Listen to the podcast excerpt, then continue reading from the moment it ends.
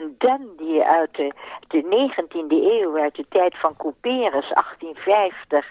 Daar komt een aristocraat met een apart taalgebruik, at your service. Maar zoals hij dat zei, uh, en waarop hij naar je keek. En dan had hij de twee hondjes bij zich. Hier is Hanengekraai door Luc Drosten met Elisabeth Bierens de Haan.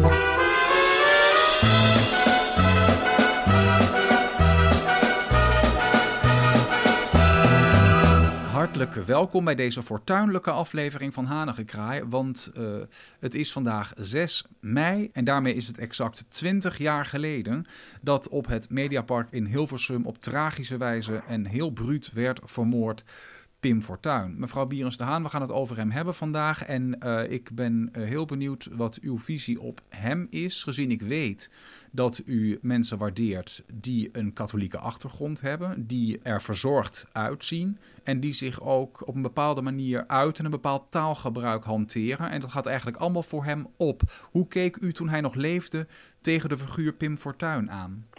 Nou, als hij in een praatprogramma zat werd aangekondigd nog in de krant, dacht ik, ik moet kijken. Want hij bracht nieuwe dingen aan.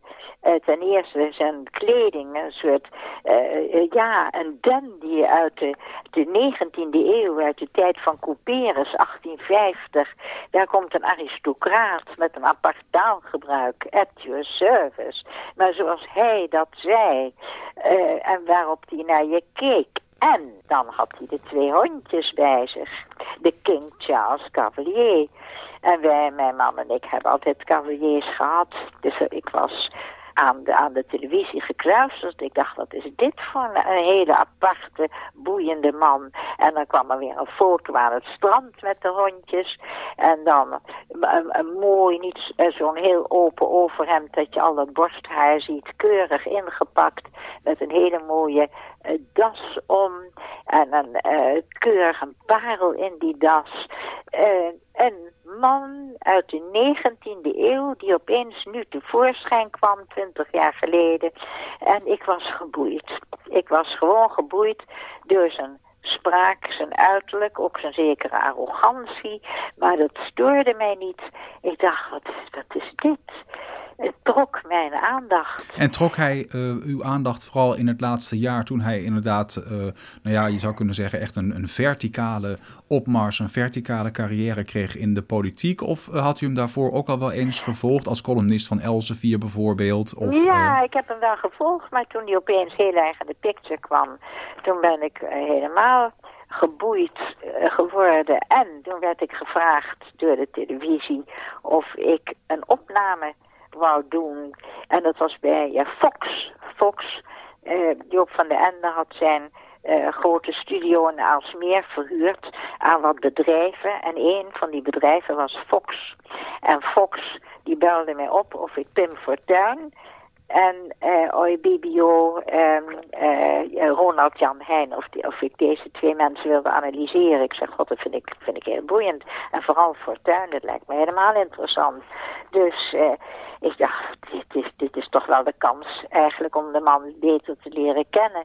En uh, dus dat vond, ik zei ja. En ik ging smiddags met een, leerlingetje van twaalf. Ik zei, jongen, ga mee, we gaan naar de studio. Jij gaat mee. Dat is uh, leuk voor je god. Dat vond hij geweldig. Dus wij naar die studio. En het was wel merkwaardig. Daar hingen nog de trofee uit de tijd van Joop van de Ende. Want daar heb ik wat opnamen gedaan vroeger. En toen was het nog allemaal heel groot. Nu was het een kleine setting dat was een caravan ergens in een hoekje. En in die caravan werd gekookt. En daar zaten in Ronald Jan Heijn en Fortuyn. En ik zat in de wachtkamer. Maar ik dacht, ik vind het een beetje creepy. Ik krijg een creepy gevoel.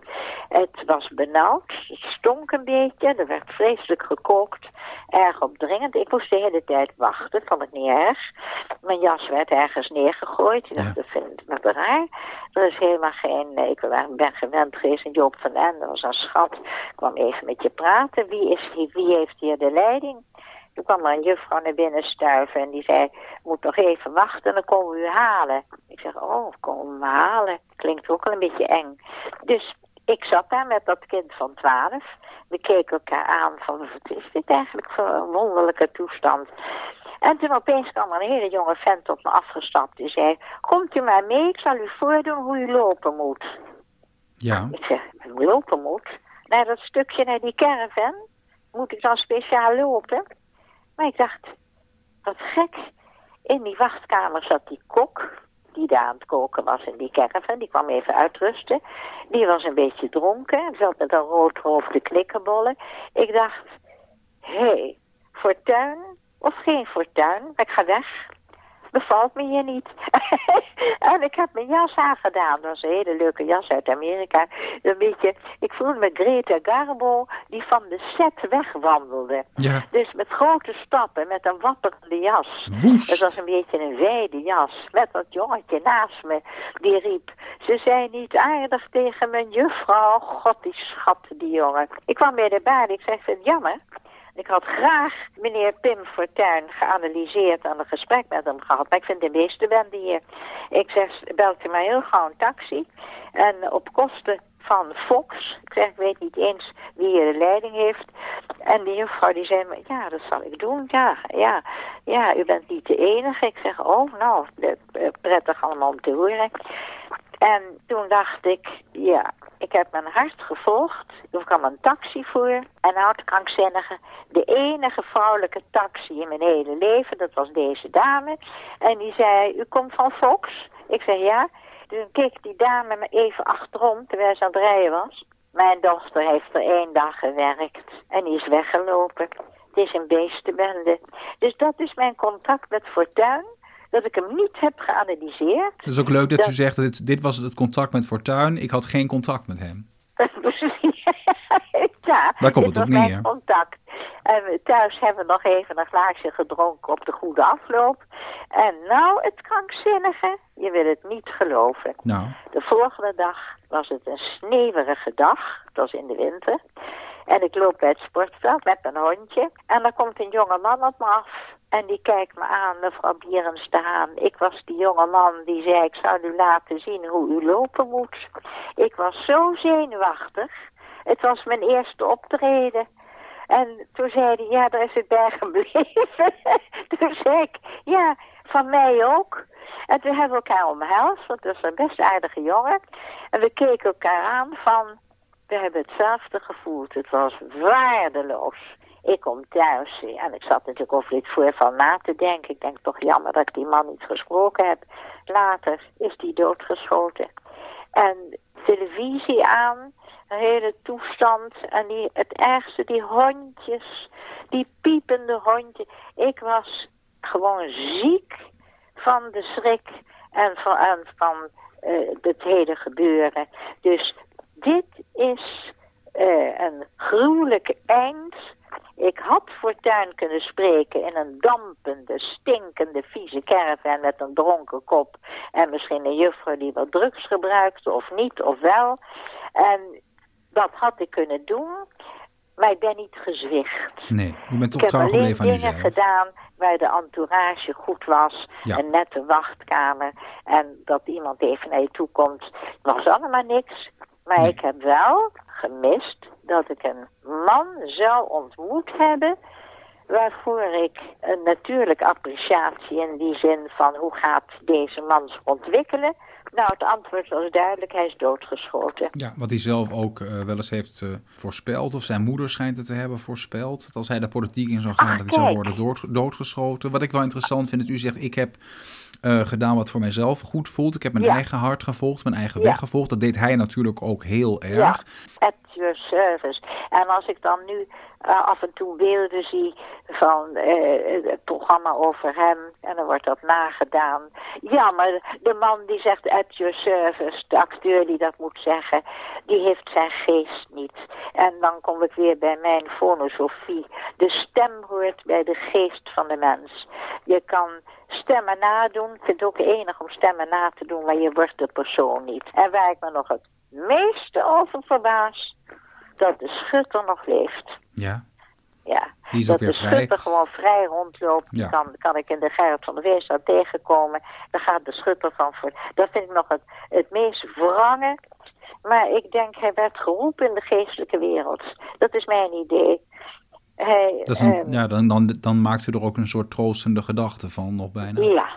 En in hoeverre was u het met zijn eh, visies eens? Politiek, heeft u wel eens overwogen om hem te stemmen of dat niet? Want hij heeft een Nee, monsterzege ik stem behaald. op de dieren. Ik stem niet op mensen, op dieren. Hm. En wilt u iets zeggen over in hoeverre het u het eh, kon vinden in, u zich kon vinden in Fortuins idealen? Ja, door de hondjes. Ja, die honden waren geen deel van het programma. Nee, maar ze waren een beeld van zijn ziel. Ja, maar u wilt niet iets zeggen over wat u vindt over zijn, zijn- ideeën over immigratie zijn- bijvoorbeeld. Zijn vriendjes, dat waren zijn inspiratiebronnen, die twee schattige, eh, de Blenheim en de Tricolore, dat waren zijn kinderen, Ja. dat waren zijn, de, de liefderijkheid waar die, eh, hoe- die daarmee omging. Ja. Dat weerspiegelde zich ook in bepaalde eh gedachtenprogramma's. Ja. Maar dan hoef je nog niet op iemand te stemmen, dat Nee, niet. het ligt, u kunt natuurlijk ook niet eens zijn met wat hij beweerde. Of wel, of slechts ten dele. Of vinden Nou ja, hij dat... zou de- dingen, eh, enkele dingen verteld hebben. Ik dacht, god, dat is helemaal niet gek. Ja, het is een beetje dubbel. Enerzijds in Nederland, eh, mensen die hun hoofd boven het maaiveld uitsteken, dat wordt er vaak afgehakt. Hè? Ja, Fortuyn was iemand die eh, toch heel veelzijdig was. Hij was ook Ja. hoogleraar in Groningen. Hij was schrijver. Hij was columnist. Hij was politicus. Hij heeft van alles en nog wat eh, gedaan. Je zou zeggen dat wordt niet gewaardeerd in Nederland. En toch kreeg hij een ontzettende aanhang. Heeft ook waanzinnige scores behaald bij de gemeenteraadsverkiezingen in Rotterdam. En natuurlijk uiteindelijk ook na zijn overlijden heeft hij die lijst eh, Fortuyn heeft het waanzinnig goed gedaan in de, in de, eh, in de verkiezingen van mei 2002. Hoe Ja. verklaart u zijn succes? ja, misschien begin je te lachen. De hondjes. Ik begin inderdaad te lachen. Vergis je niet. Als ik met een hondje, mijn ene hondje, mijn ene King Charles, we hebben er drie gehad, na elkaar. Als ik dan eh, met het hondje op straat kwam, s morgens vroeg al. Wat een aandacht. Och, wat een darling. Oh, wat een schattig dit. En meteen is al een gesprek geboren. Meteen. eh, en eh, ja, hij nam ze overal mee naartoe. En ze zaten achter in de auto.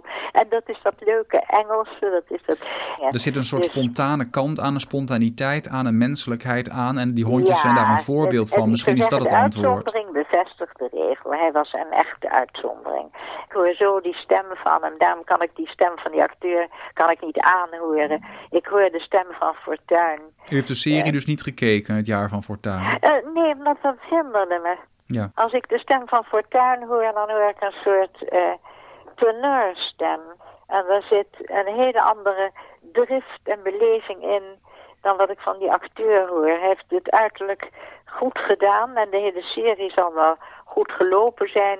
Maar ik eh, had niet het gevoel van ik ga kijken. Ik heb de beelden die ik van Fortuyn heb, die kunnen niet geëvenaard worden. Een aparte, begaafde, wat eigenzinnige man die opeens zichzelf op de kaart heeft gezet door zijn hele programma's. En ik hoop dat hij nou een hele mooie taak heeft in het hiernamaals, daar geloof ik in. En eh, ik denk dat hij ook religieus was, op zijn, klopt, eh, op zijn manier. eigen wijze. Katholieke religieus. achtergrond. Het klopt. Hij zegt, hij heeft een katholieke achtergrond en heeft het Nou, ook maar vaker nou. gehad over een, het, het hebben van een eh, taak. Dat benoemde hij ook zo in het leven. Een ingegeven Ja. taak als iets van boven. Hij is geroepen. En het enige wat ik kan doen is een gebed voor hem doen. Hij is in het fortuin, is in het nieuwe levenslicht. Ik eh, help het u hopen. Ja, dat zegt hij lief. Ik eh, ga het ook afronden, want we zitten alweer eh, Uitstekend. lekker aan de tijd. Maar hartelijk dank voor uw visie op Pim Fortuyn. En eh, ik zeg heel graag tot de volgende aflevering. Nou, tot de volgende aflevering. Wilt u reageren? Dat kan. U kunt direct contact opnemen met mevrouw Berends de Haan via haar eigen mailadres elisabethberendstehaan.ziggo.nl